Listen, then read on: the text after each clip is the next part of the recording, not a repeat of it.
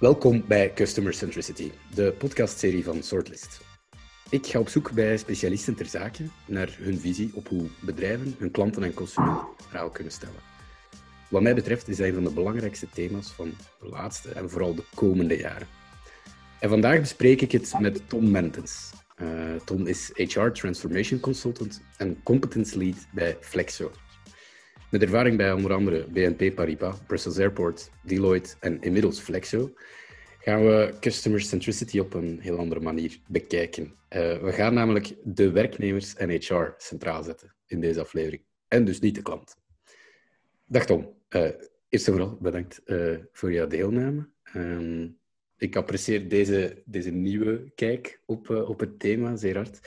dus daarvoor dank. Hoe, hoe gaat het? Alles goed, Loïc. Merci voor de invite. Ja. blij om even met u te sparren over dit onderwerp. Heel leuk. Ja, idem dito. Idem dito. Um, het is voor mij een van de gesprekken waar, ik, waar ik denk ik het meest uh, benieuwd naar, naar ben ook, omdat ik associeer HR en, en werknemers ook dikwijls met, met well-being op het werk. En dat is iets dat mij nauw aan het hart ligt. Dus ik ben wel benieuwd naar hoe, dat, hoe dat jullie inzichten uh, zitten. Zie jij dat zitten om, om eventueel eerst toch een, wat context te geven over jezelf, over uw achtergrond? Ja, misschien een achtergrond. Ja, ik heb een, een bredere achtergrond, eh, meer vanuit een operationele HR-rol. Dus ik heb vooral binnen bedrijven gewerkt, binnen HR-afdelingen. Uh, heel projectmatig steeds het optimaliseren van, van, van een HR-dienst. Efficiëntere processen, digitaliseren uh, enzovoort enzoverder. En uh, eigenlijk nog maar 2,5 jaar geleden heb ik beslist om dat vanuit een consultancy-rol te doen. En dat, daar ben ik nu actief bij, bij Flexo. En vooral daar binnen de tak van Flexo die zich bezighoudt rond, rond HR. Hè. Flexo for People heet dat dan. Mhm. Ehm, en waar ik eigenlijk nu vooral bedrijven um, ja, ondersteun in hun HR-transformatie. En dat de, eigenlijk, wat we doen is eigenlijk HR-organisaties future-proof maken. Hè. Digitalisering is daar een, uh, een onderdeel van, want het kan ook bijvoorbeeld zijn om een, om een HR-dienst meer servicegericht te maken. En vanuit, vanuit dat domein ook is ook wel een beetje de interesse binnen employee experience en dus ook customer experience. Hè. Daar komen die voor mij een beetje samen. Ja. Ja, ja, klassiek stel ik altijd de vraag, ja, wat is customer centricity voor u? Wat dat er altijd terugkomt, is dat dat over mensen gaat. En dat is hier in, in dit perspectief ook heel hard het geval. En ik stel mij dan bijvoorbeeld de vraag in HR, digitalisatie, wat kan ik mij daarbij voorstellen? Wat zijn de trends die er op dat vlak momenteel uh, leven? Ja, iets waar we heel actief op bezig zijn en dat is, dat is ook super interessant is om, er, uh, om eigenlijk uh, eh, HR is een, een, ja, een ondersteunende dienst. Hè? Dus die, die, die is er voor de mensen. stelt ook de mensen centraal. Maar wat we wel vaak zien is, zeker vanuit, een, van, vanuit de historiek, dat ze met vaak heel repetitieve zaken bezig zijn. heel veel data overgetikt wordt.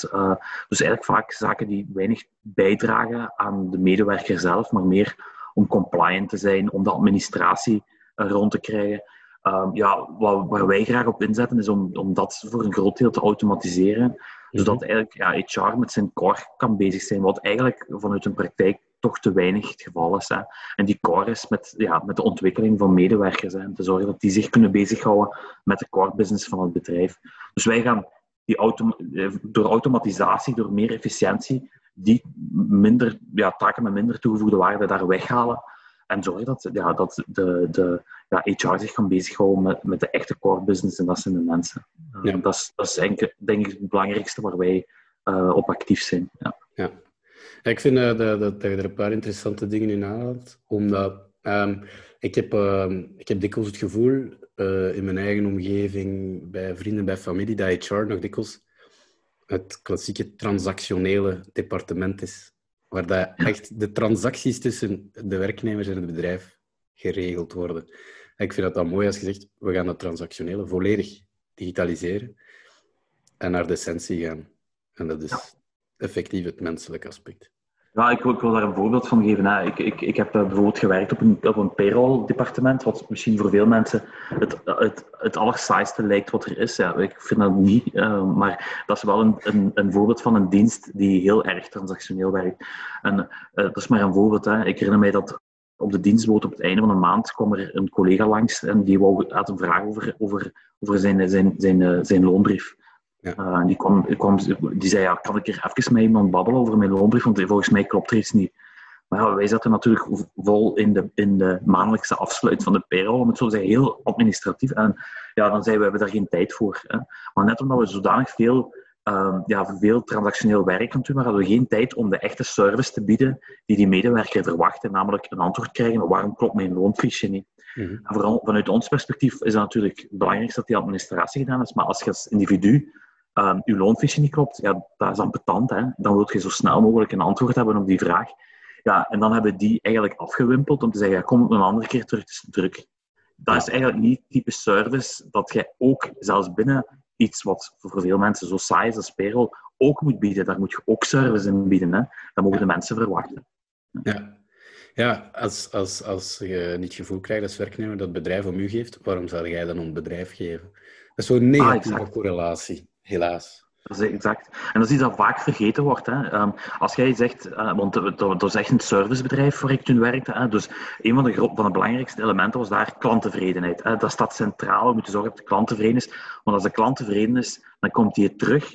En dan kunnen we er nog eens aan factureren. Ah, zo is de realiteit nu eenmaal. Hè. Hmm. Maar als, als je dat vertelt aan je medewerkers, dat is een mantra. Hè. Je, je, je, dat komt altijd terug. Hè. Als, als je dan je interne services niet navenant zijn, ja, dan, dat is niet consistent. Dat verhaal moet er zijn. En dat, dat, dat, dat geldt trouwens niet alleen voor HR, maar dat geldt ook voor je facilities, uh, voor, je, voor je finance. Daar, daar geldt hetzelfde verhaal. Die service of dat level, de lat moet daar even hoog liggen als je die extern hebt. Dat is absoluut nodig.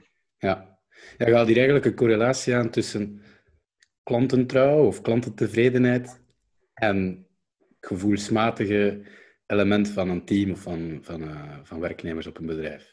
Oh, exact. En, en die, die, die, is er volledig. Hè. En, en dit, is, dit is nu iets, um, uh, moet ik het zeggen, um, ja, waar je eigenlijk nog maar het minimum geeft. Hè. Uh, dan hebben we het nog niet over het mensen de, de, de kans geven om um, zich te ontwikkelen enzovoort en zo verder. Dat is nog veel krachtiger dan dit. En volgens mij is dit echt het minimum. Dat je een interne service biedt die, die echt goed is, dat is echt een minimum. En pas dan kunnen aan de volgende stap denken, dat, dat, dat, medewerkers zich geëngageerd voelen, enthousiast voelen. En dat, dat type enthousiasme en motivatie hebben ze wel nodig om zelf die service te uiten naar buiten toe natuurlijk. Hè.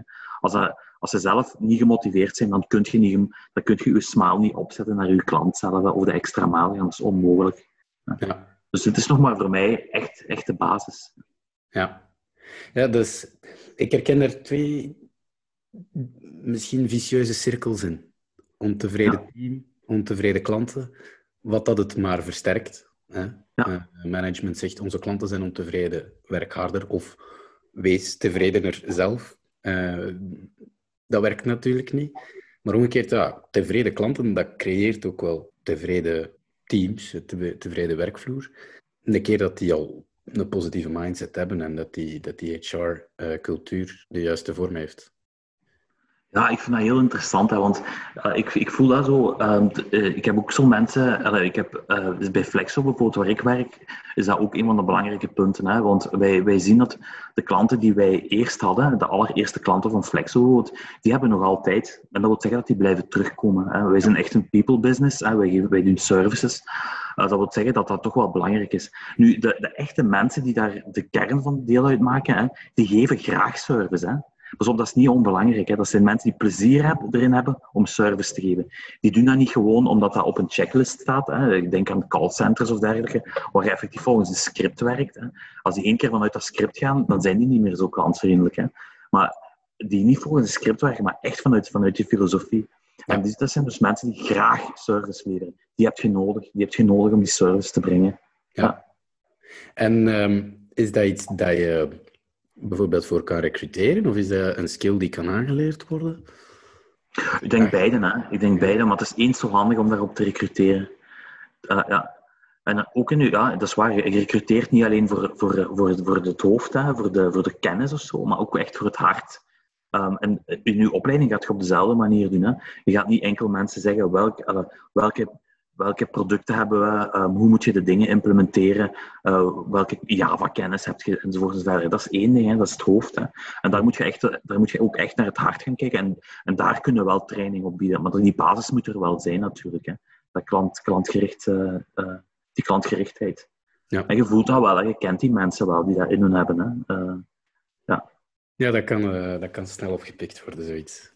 ja, je pikt dat snel Ja, als, er een, als, als de basis, als de founder is, hè, als, je, als je dat fundamenteel niet hebt, ja, dan, ja. dan is dat moeilijk hè, om, dat, uh, om dat te doen. Ja. En als we dan nu een keer op grote schaal gaan kijken, um, die relatie uh, intern en extern, zijn er daar voorbeelden of cases van uh, dat, je, dat je zegt, oké, okay, dit soort initiatieven hebben geleid tot uh, een positief effect op grotere schaal? Ik denk dat dat, dat, dat, dat voor veel bedrijven al echt realiteit is. Hè. Um, ik denk, alle, um, dus de tevreden medewerkers, tevreden klanten, dat is iets dat je wel vaker terugziet. Hè. Ik denk dat er heel veel banken uh, daarop spelen. Um, en, en dat ook wel goed doen, denk ik. Um, dus dat is geen, op zich niet zo'n uniek uh, concept. Dat is natuurlijk de invulling ervan die wel uniek kan zijn. Hè. Ja. Um, en een goed voorbeeld daarvan is, uh, is bijvoorbeeld KBC. Hè. KBC heeft, um, heeft een, een goede banking app. Ik denk dat hij ook wel prijzen gewonnen heeft, hè, omdat hij zo ja, innovatief is. Bijvoorbeeld, tegenwoordig kun je al de, de voetbaluitslagen of de, de, de, de beelden van de, van de voetbal zien op je app van de bank. Hè. Dus die lopen eigenlijk wel altijd voorop in die dingen. Nu, uh, wat we weten van, van KBC bijvoorbeeld, is dat zij intern, de apps die de medewerkers intern gebruiken, om bijvoorbeeld verlof aan te vragen, een training aan te vragen enzovoort en zo verder, dat die eigenlijk hetzelfde eruit ziet als de app die dient voor de klant. Hè. Dus de, de user interface, de user experience die ze daar hebben, is compleet consistent met wat ze extern hebben. Hè. Ik vind dat wel een mooi verhaal, want daar, daar zeg je eigenlijk, de lat ligt super hoog, en dat is hetgeen wat we net ook hadden, ligt super hoog voor, voor de klanten, maar ook voor de medewerkers. Hè. En de insteek van KBC, en dat, vind je dan nog beter, hè, eh, dus niet alleen de user experience, maar ze willen eigenlijk ook alle ballast weghalen bij, bij, de, bij, de, bij de mensen, dat ze enkel kunnen focussen op hun, hun core business. Hè.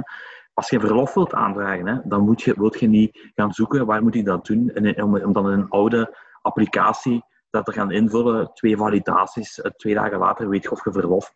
Dat wilt je allemaal niet. Hè. Je wilt dat die mensen twee kliks, twee, drie kliks of, uh, of mobiel dat doen en heel snel weer de weg kunnen en dan naar, naar watgene dat ze moeten doen. En bij KBC is dat innoveren, er zijn voor de klant enzovoort en zo verder. Dus dat vind ik wel, dat is wel een heel extreem voorbeeld. Dat kost ook wel wat geld, denk ik, maar dat is wel een, een heel sprekend voorbeeld, denk ik.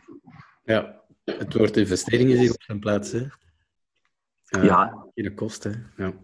Ja, want natuurlijk, ja, achterliggend er, je legt een, een, een, interface waar er heel veel complexe systemen achter liggen. Die complexiteit van die systemen, die blijft natuurlijk wel. Hè. Maar ze hebben, hebben hiervoor gekozen om die complexiteit bij IT te leggen of bij HR te leggen en niet bij de medewerker. En dat vind ik wel een heldere en dappere keuze. Maar zeker geen evidente, dat begrijp ik ook wel. Ja, dat is een vorm van leiderschap, hè, uh, denk ik. Is, is uh, zorgen dat, dat de mensen waarvoor je verantwoordelijkheid draagt, zo weinig mogelijk buiten hun oevers moeten treden om, om, om hun verantwoordelijkheid te kunnen invullen. Ah, exact, exact. En eigenlijk, ja, ze noemen dat, en dat vind ik wel interessant, ze noemen dat uh, de overwhelming workplace. En ik denk dat dat zoiets is dat misschien wel heel herkenbaar is voor veel mensen in de huidige context. Hè. Je, je, je zit voor je, voor je scherm thuis hè. en uh, je WhatsApp staat op, want ook, je communiceert ook met collega's via dat WhatsApp. Hè. Je team staat te blinken, uh, de mails komen binnen, je sms'jes, de telefoon gaat over. Uh, er zijn heel veel prikkels die binnenkomen. Um, die post ja, en... komt langs met een pakje. Uh, ja, absoluut. Ja, meer, meermaals per dag. Ja. Uh, dat geeft al stress, want je moet zorgen dat je niet in een call zit. Of, en je wilt natuurlijk de dag erop niet naar de post moet, moeten. dus je, je ziet veel prikkels. en dan, ja, en ook hier denk ik, en dat is, dat is, dat is mijn geloof, hè, dat ook HR daar een rol in heeft te spelen om te zorgen dat mensen geen stress, geen techno-stress krijgen, om het zo te zeggen, van al die prikkels die er komen. Um, maar welke rol moet HR daar dan in spelen? Want ja, Teams, dat is van IT. Uh, uh, uh, de mail, ja, dat heeft iedereen, dat is ook IT. Dus uh, wie pakt die verantwoordelijkheid om ervoor te zorgen dat die stress niet te, niet niet niet te groot is? En ja, daar moeten we kijken hoe kunnen we ervoor zorgen dat de medewerker ja, op een mooie, geïntegreerde manier met zijn werk kan werken, dat dat niet continu in de weg zit. Ja, dat is een enorme, een enorme denkoefening die, die denk ik op, op, ja, op bedrijfsbasis elke keer individueel moet maken. Want die een set aan tools, of die, die clutter waarmee het personeel mee geconfronteerd wordt, is uniek per bedrijf. Uh, ja, ja, dat is waar. Dat, dat, is niet dat je dat vanuit één, één, één oplossing... Uh, excuseer. Uh, het is niet dat je dat vanuit één oplossing kunt doen. Ehm, en zeggen van dit, dit is het, je gaat dat echt klant per klant moeten bekijken. Uh, maar de vraag is, wie is daar de, leading rol? Wie speelt daar de leading rol? En je kunt zeggen, IT doet dat, hè, want die tools die zitten, hè, die, die, die, die producten zitten in ownership bij IT. Maar is IT bezig met het, het welzijn van de medewerker? Ja. Minder misschien, hè? Uh, en dat hoeft ook niet, hè? Dat, die vraag is er ook niet. Hè? Maar wie pakt dan de trekkende rol om ervoor te zorgen dat, dat de medewerker echt uh, via portalen kan werken waar alles mooi op één plek staat. En dat hij zijn ding kan vinden zonder te veel uh, tijd en focus te verliezen vooral. Ja. En jouw visie op de zaak is, laat HR die verantwoordelijkheid invullen? Dat is een open vraag eigenlijk. Ik, ik weet niet of HR die rol kan nemen om, dat, op een brede manier te pakken. Ik weet niet of ze die, die, die, die kwaliteiten altijd heeft, of die capabilities altijd heeft. Dus ja, ik denk dat dat breder moet bekeken worden van, vanuit IT en vanuit een HR, of misschien in een programma, eh, vanuit een programmaperspectief. Mm En trouwens, ja, ik denk dat in de, meest, in de beste bedrijven, waar dat, dat wel lukt, dat die silo's minder bestaan natuurlijk. En misschien net, dat dat net een van de redenen is waarom dat, dat minder, minder werkt op dit moment. ja. ja. Ja, dat, dat, dat doet mij heel erg denken aan iets dat in andere afleveringen van deze serie aan bod komt. En dat is voor dat soort echt 21ste eeuwse denkoefeningen is dat heel belangrijk dat, dat verschillende departementen kunnen samenwerken. En dat er multidimensionele teams worden gevormd, al dan niet uh, tijdelijk uh, met een taskforce of echt een operationeel uh, self-steering team, om dat soort vragen, waar dat we het antwoord niet op weten, te durven stellen en te durven uh, aanpakken. Ja, ik denk dat het net, net daarin zit. Die teams die dat kunnen, die, die, die, ja, die, die hebben het meeste succes. Maar ik denk ook vooral belangrijk dat ze een mandaat hebben om dat te doen, natuurlijk. Hè. Uh, want mixed teams, dat is, altijd, dat is niet altijd even gemakkelijk. Maar als ze vanuit, zeg maar, vanuit directie het mandaat krijgen om dat te doen, dan heb je wel een sterk verhaal, natuurlijk. Ik denk dat de business case er wel ligt, hoor. Eh, om, om dat breed te bekijken. Eh, ja, absoluut. Ja. Als we, als we nu eens gaan kijken naar, naar het. het uh, ja, wat, wat zijn bijvoorbeeld parameters die kunnen worden gevolgd om te kijken hoe ver of hoe matuur dat je bent als een bedrijf in, een, in dit onderwerp? De tevredenheidsgraad van werknemers bijvoorbeeld. Allee, ik, ik geef zelf een voorbeeld, maar ik denk dat het beter is om. Ja, ik denk uh, wat heel klassiek is, en dat kennen we wel allemaal, denk ik, is uh, ja, employee surveys. Hè, waar je, uh, je kent de typische, de, de, de, typische flow, hè, eens per twee jaar of per vier jaar. Dan zijn ze daar hè, en dan komen, stellen ze een 40 vragen of zo. En dan, dan duurt, duurt dat ja, ongeveer vier maanden dat HR al die gegevens verwerkt heeft. Hè, om dan, dan nog eens twee, drie maanden over te discussiëren.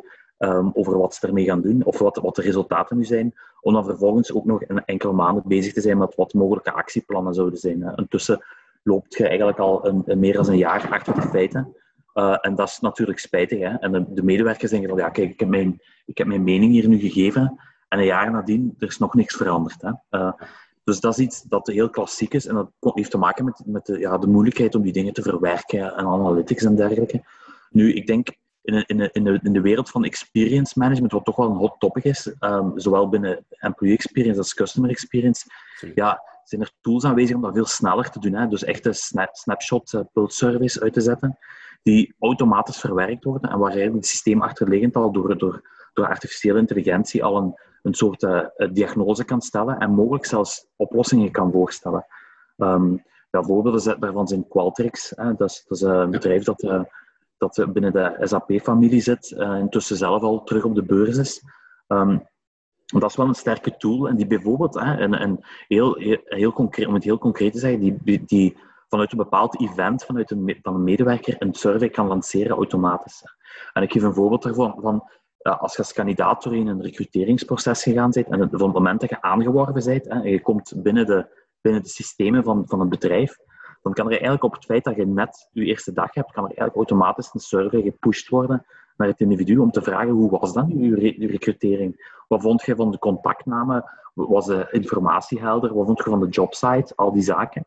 Waardoor je eigenlijk heel dicht, dicht, dicht op de bal kunt spelen. Die, dat zit allemaal nog vers in het hoofd van, van dat individu. En je gaat een survey pushen, je krijgt die informatie terug En via analytics kun je heel snel zien, ja, wat zijn nu de tendensen? Zijn er dingen die beter kunnen? En dan komt je eigenlijk in een, in feedback loop en eigenlijk in de loop om het beter te gaan doen. En daarmee kun je je experience, in dit geval kandidaat-experience, gaan verbeteren. Dat is een heel sterk verhaal. Ja, en je kunt dat bijna event-based gaan verwijven in je organisatie. Ja. Um, dat kan gaan over een loonbrief bekijken of over uh, na een evaluatiegesprek een post-evaluatie. Uh, exact. Ja. exact ja. En zo concreet als dat, je kunt ook iemand hebben die langdurig afwezig is. Het is, het is een heel actueel punt. Hè. Ik denk deze week nog was nog nog, nog in de pers dat er heel veel mensen langdurig aanwezig zijn. Dat is een uitdaging voor het bedrijf als die terug binnenkomen, om die terug te reïntegreren. Dat zijn ook zaken die je, dat je daarover kunt, uh, service kunt pushen, waardoor dat je daar ook meer inzicht in krijgt. Ja, er, is er een praktijk die wij misschien als bedrijf kunnen doen? Dat is puur well-being, hè, om dat beter te maken. Hè. En daar speelt, speelt je rechtstreeks in op, op het engagement, denk ik. Ja. Hoe, hoe zit dat op, op, op dit domein? Um, ik ga er heel eerlijk in zijn, ik ben er niet 100% in thuis. Het, het spreekt aan mijn hart, maar nog niet aan mijn kennis. Uh, hoe zit dat bijvoorbeeld voor luisteraars, en ikzelf dus ook, als we op zoek zijn naar thought leadership over dit domein? Um, waar kunnen wij naartoe om, om daarover bij te leren? Ja, natuurlijk moet ik zeggen bij mij en bij, bij mijn collega's uh, uh, van Flexo. Maar ik denk, allee, er, zijn, er, zijn best wel, er valt best wel wat over te lezen.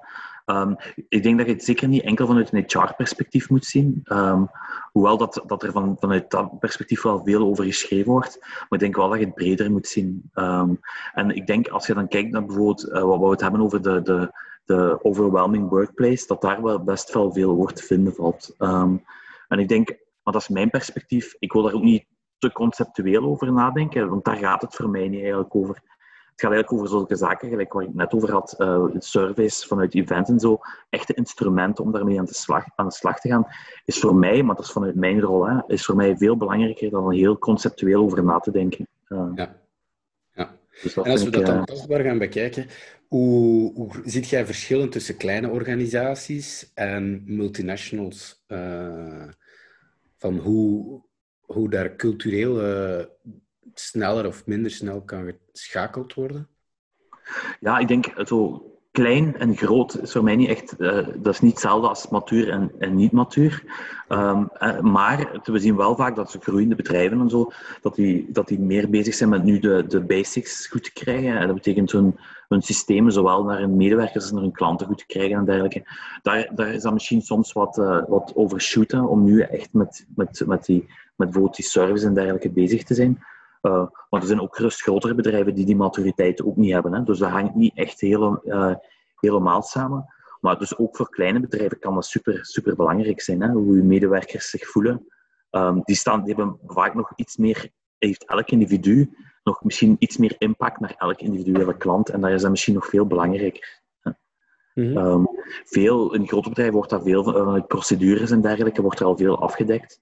Maar binnen, binnen kleine bedrijven heb je misschien één op één relatie met je klant. En dan kan dat misschien nog belangrijker zijn dat die smaller is, dat dat servicegerichter is, enzovoort en zo verder. Ja. Dus why not? Hè? Ja. ja.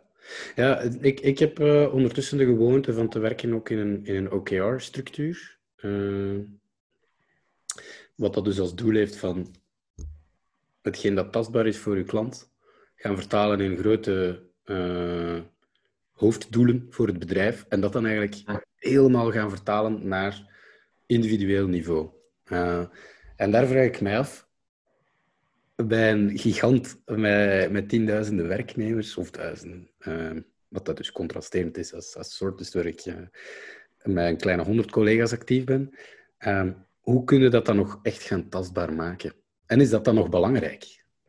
Ja, dat, is, dat is een goede vraag en dat is super moeilijk. Ik herinner mij toen ik zelf werkte eh, bij de, in, in, een bank, uh, eigenlijk in de bankencrisis.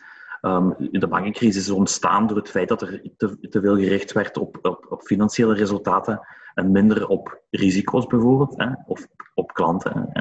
Uh, dat was echt een kantelmoment. En dan, dan, op dat moment werd er eigenlijk gezegd, kijk, om op, op langdurige winsten te kunnen halen, hè, waar het tot finaal toch om gaat, daar moeten we ook niet flauw over doen, hè, is het wel belangrijk dat onze klanten ook lang bij ons blijven en dat we die goede service bieden. Hè. Dus daar schoof dat een beetje op van echt korte termijn winst naar langdurige klantencontact. Hè. En dan, op dat moment moesten eigenlijk heel die banken, een grote bank, een switch maken naar een uh, meer klantengerichte organisatie. Wat er dan mist in, in het begin zijn, uh, is consistentie in uw beleid. Hè. Als, je kunt dat zeggen en je doet dan roadshows en zo en, en maakt posters uh, voor in de lift. Maar op een moment, alles moet erop aangepast zijn. Hè. Uw beloningsstructuur moet aangepast zijn. De manier waarop uw bonussen berekend worden, moeten niet meer te maken hebben met de winst die ik op het einde van het jaar maak in mijn kantoor maar ook hoe tevreden mijn klant is. Hè. En meestal loopt dat trager als de initiële insteek. Dus je gaat dat eigenlijk moeten ja, dan moet uw bedrijf overspoelen in uw policies, in uw processen enzovoort en zo verder. Dat ontbrak er initieel aan. Uh, en dat duurt wel en dat is logisch ook, dat is een transitie. Maar dat ontbrak er toen, uh, toen aan. Ja. ja. Dat is zo een, een andere typische vraag, waar dan meestal ook het antwoord nooit direct op aanwezig is, is oké, uw klanten zijn ontevreden, maar dat komt altijd te laat te weten. Hoe kun je ervoor zorgen dat jij weet dat je klant ontevreden wordt voor zij het gaan zijn? Of voor zij er zich bewust van zijn. Uh, een onbeantwoorde vraag, voor alle duidelijkheid. En ook moeilijk te beantwoorden, denk ik. Zelfs ah, ik een voorbeeld dat ik wel ken vanuit, uh, van, uh, vanuit een eerdere ervaring, is dat uh, bijvoorbeeld een, um, een ombudsdienst kan als doelstelling hebben zoveel mogelijk klachten hebben. Dat klinkt een beetje raar, want je, je, denkt, je denkt dan maar, hey, zoveel mogelijk, wij willen geen klachten. Jawel. Hè? Want de mensen die klagen, zijn de mensen die nog hoop hebben. Hè? Mensen die niet klagen, die verlaten u. Hè? Um, nu, in een, in, een, in een context van een bedrijf is dat moeilijk, want een, een medewerker kan niet zeggen, ik verlaat mijn HR. Dat gaat niet. Hè? Mhm. Uh, maar ik heb toch, je zou toch wel, wel willen hebben dat je die klachten hebt, want dat kun je verbeteren. Als je die niet hebt en ze geven gewoon op, dat is erg. En dus als iemand ooit zegt als KPI, ik heb nul klachten, dus ik ben goed bezig, dat klopt niet. Dat klopt niet, want het kan even goed zijn dat iedereen zegt, wow, voertjes luistert toch niet naar ons. Mhm. Um, nu, die dingen, die, die pulse surveys en dergelijke, die kunnen daar wel bij helpen om een soort latent gevoel, om dat, om dat meer expliciet te maken. Ja. Ja. De, ja, de kans dat ze bij u aan uw bureau komen staan is relatief klein. Uh, jammer genoeg, want dan kunnen we tenminste gesprek hebben, maar dat wacht ik niet. Ja, iets meer low-touch, uh, zeer toegankelijke manier van continu feedback geven. Ja, ja.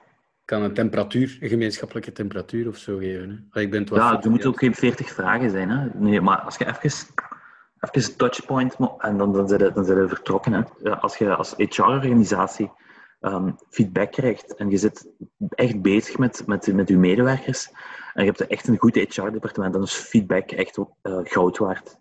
Ja. Um, en dat is iets dat, dat, dat, dat ik, vanuit mijn interne rol die ik vroeger had, vond ik dat zalig om feedback te krijgen. Ook slechte feedback, want dan kunnen tenminste aan de, aan de, aan de slag.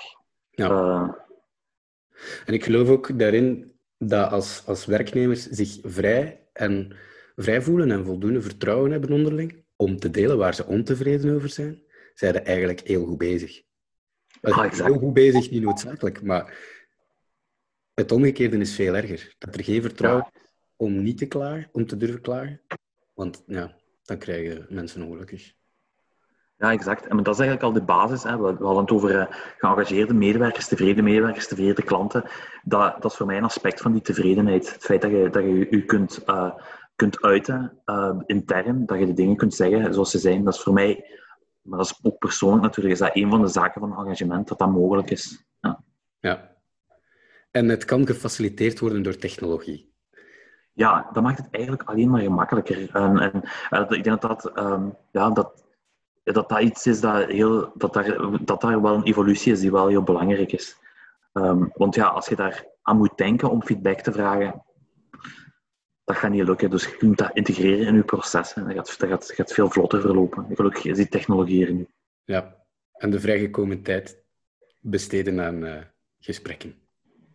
Ja, ja, ja. Allee, binnen het kader van HR vind ik dat belangrijk. Of je nu, binnen, eh, ik zei, binnen de payroll zit of binnen de administratie, of als HR-business partner, uh, steek alsjeblieft daar uw tijd in. Hè. Um, de, de wereld is zo complex geworden dat die gesprekken, dat is hetgene dat we niet kunnen robotiseren. Hè. Daar, daar moet wel de focus in liggen. En daar geloof ik nog wel in. Ik weet niet of iedereen nog dat geloof heeft in HR, maar ik heb dat wel absoluut nog. Ja, bij mij neemt dat alleen maar toe ook uh, de waarde van HR. Omdat technologie over, over dat evolueert zodanig snel, op een, op een bepaald moment ga je daar geen onderscheid meer in kunnen maken. Dan wordt het onderscheid gemaakt op menselijk niveau. Slaag er als bedrijf in om creativiteit los te wekken. Ik slaag erin om, om effectief teamwork los te... of, of op poten te zetten. En denk ja. daar HR een super grote rol in speelt. Ja, ik denk, en dan samen met uw leidinggevende natuurlijk, die ook wel, en misschien wel de belangrijkste HR-persoon is die er, die er is. Uh, maar voor die geldt eigenlijk hetzelfde. Hè. Die is ook uh, bezig met te veel administratie, soms opgelegd door HR. Maar ook hetzelfde voor finance, die moeten die nog doen, budgetten moeten gemaakt worden. Als je daar ook de, de zaken wat kunt faciliteren, automatiseren, technologie onderleggen, portalen voorzien bijvoorbeeld, hè, dat een, een leidinggevende alles wat hij moet doen, zijn workflows, dat die allemaal mooi in één portaal terechtkomen, dat hij niet moet gaan zoeken, in systemen gaan duiken enzovoort enzoverder. Dat geldt hetzelfde voor de leidinggevende. Ook de tijd die daar vrijkomt, die kan natuurlijk ook in het team gestoken worden en niet in administratie, compliance enzovoort enzoverder. En geen vrijdagnamiddagen blokkeren voor uh, ziektebriefjes en verlofdagen en evaluatie. Maar het is zo, hè. Dat is de realiteit, hè. Dat is de realiteit, hè. Systemen die niet werken. dus dat, dat is, dat is, uh, ja, ook daar zien we een mooie evolutie naar echte ja, portalen voor leidinggevenden, voor medewerkers, waar alles mooi samen staat. Hè. Uh, ja. ja. Ik denk dat daar, daar impliciet ook, ook een, een verwachting in zit voor, voor bedrijven die op punt staan om zo'n zo'n change te doen. Ik, ik kan me niemand voorstellen die zelf in HR zit die er niet voor te springen staat. Als het nog niet het geval is, die verregaande digitalisatie. Um, daarnaast heb ik soms wel het gevoel, uh, en mede ook door, door gesprekken in mijn eigen netwerk, dat HR verplicht los staat van de business. Opnieuw dat transactioneel klassieke, waardoor dat alle goede intenties van HR vooral weg moeten blijven van de business. En dat brengt mij tot, en dat is in, in de serie van podcast al een paar keer teruggekomen, in een andere context, je hebt 100% buy-in nodig van je topleiderschap om dat soort change door te voeren. Ja, ja, ja, ik ben helemaal akkoord. En als ik kijk naar de... Want ik heb u in het begin net toelicht over mijn rol als HR-transformatie. Die transformatie ligt meestal daarin. Die ligt in het digitaliseren, maar ook meer in het servicegericht maken van HR. En dat heeft te maken dat je dichter bij je business staat. Um, ja, en ik zeg maar, dat kunnen heel concrete dingen zijn. Hè. Um, um, ja, bijvoorbeeld chatbots of dergelijke, daar waar je eigenlijk je, basiszaken gewoon door een bot laat doen. En dan kunnen andere mensen uh, zich meer in de business uh, gaan, gaan richten. Nu, de, de mensen die vroeger uh, het, repetitieve werk gaan doen, zijn niet de mensen die nu bij uw leadership rond de tafel zitten om, dus, om people business te bespreken. Hè. Dat zijn andere mensen. Hè. Maar toch, uw, uw resources worden op een andere manier verdeeld en vrijgemaakt worden voor de business. Maar het is wel, allee, ik denk dat dat wel een terechte punt is. Dat is wel iets wat je vaker hoort. Ja, ja. ja. Ik denk dat dat, met dat we daar toch op de rode draad zitten van, van het hele, hele customer centricity verhaal, het gaat over mensen. En binnen bedrijven samenwerken tussen verschillende departementen draagt bij aan die menselijkheid. Um, ja. Omdat je probeert elkaar te begrijpen en bij te leren van elkaar. Um, ik denk dat dat ook een goede manier is om af te sluiten, uh, zo hebben we de mens centraal gezet uh, en niet alleen de klant deze keer. Ja, maar de klant blijft natuurlijk voor je business top essentieel. Dus, uh, maar de mensen dragen daartoe bij. Hè. Dat is een goede conclusie natuurlijk. Ja, absoluut. Hartelijk bedankt, Tom. Uh, hey, met veel plezier. Een gesprek. Dankjewel. Wij houden contact. Zeker, dank je.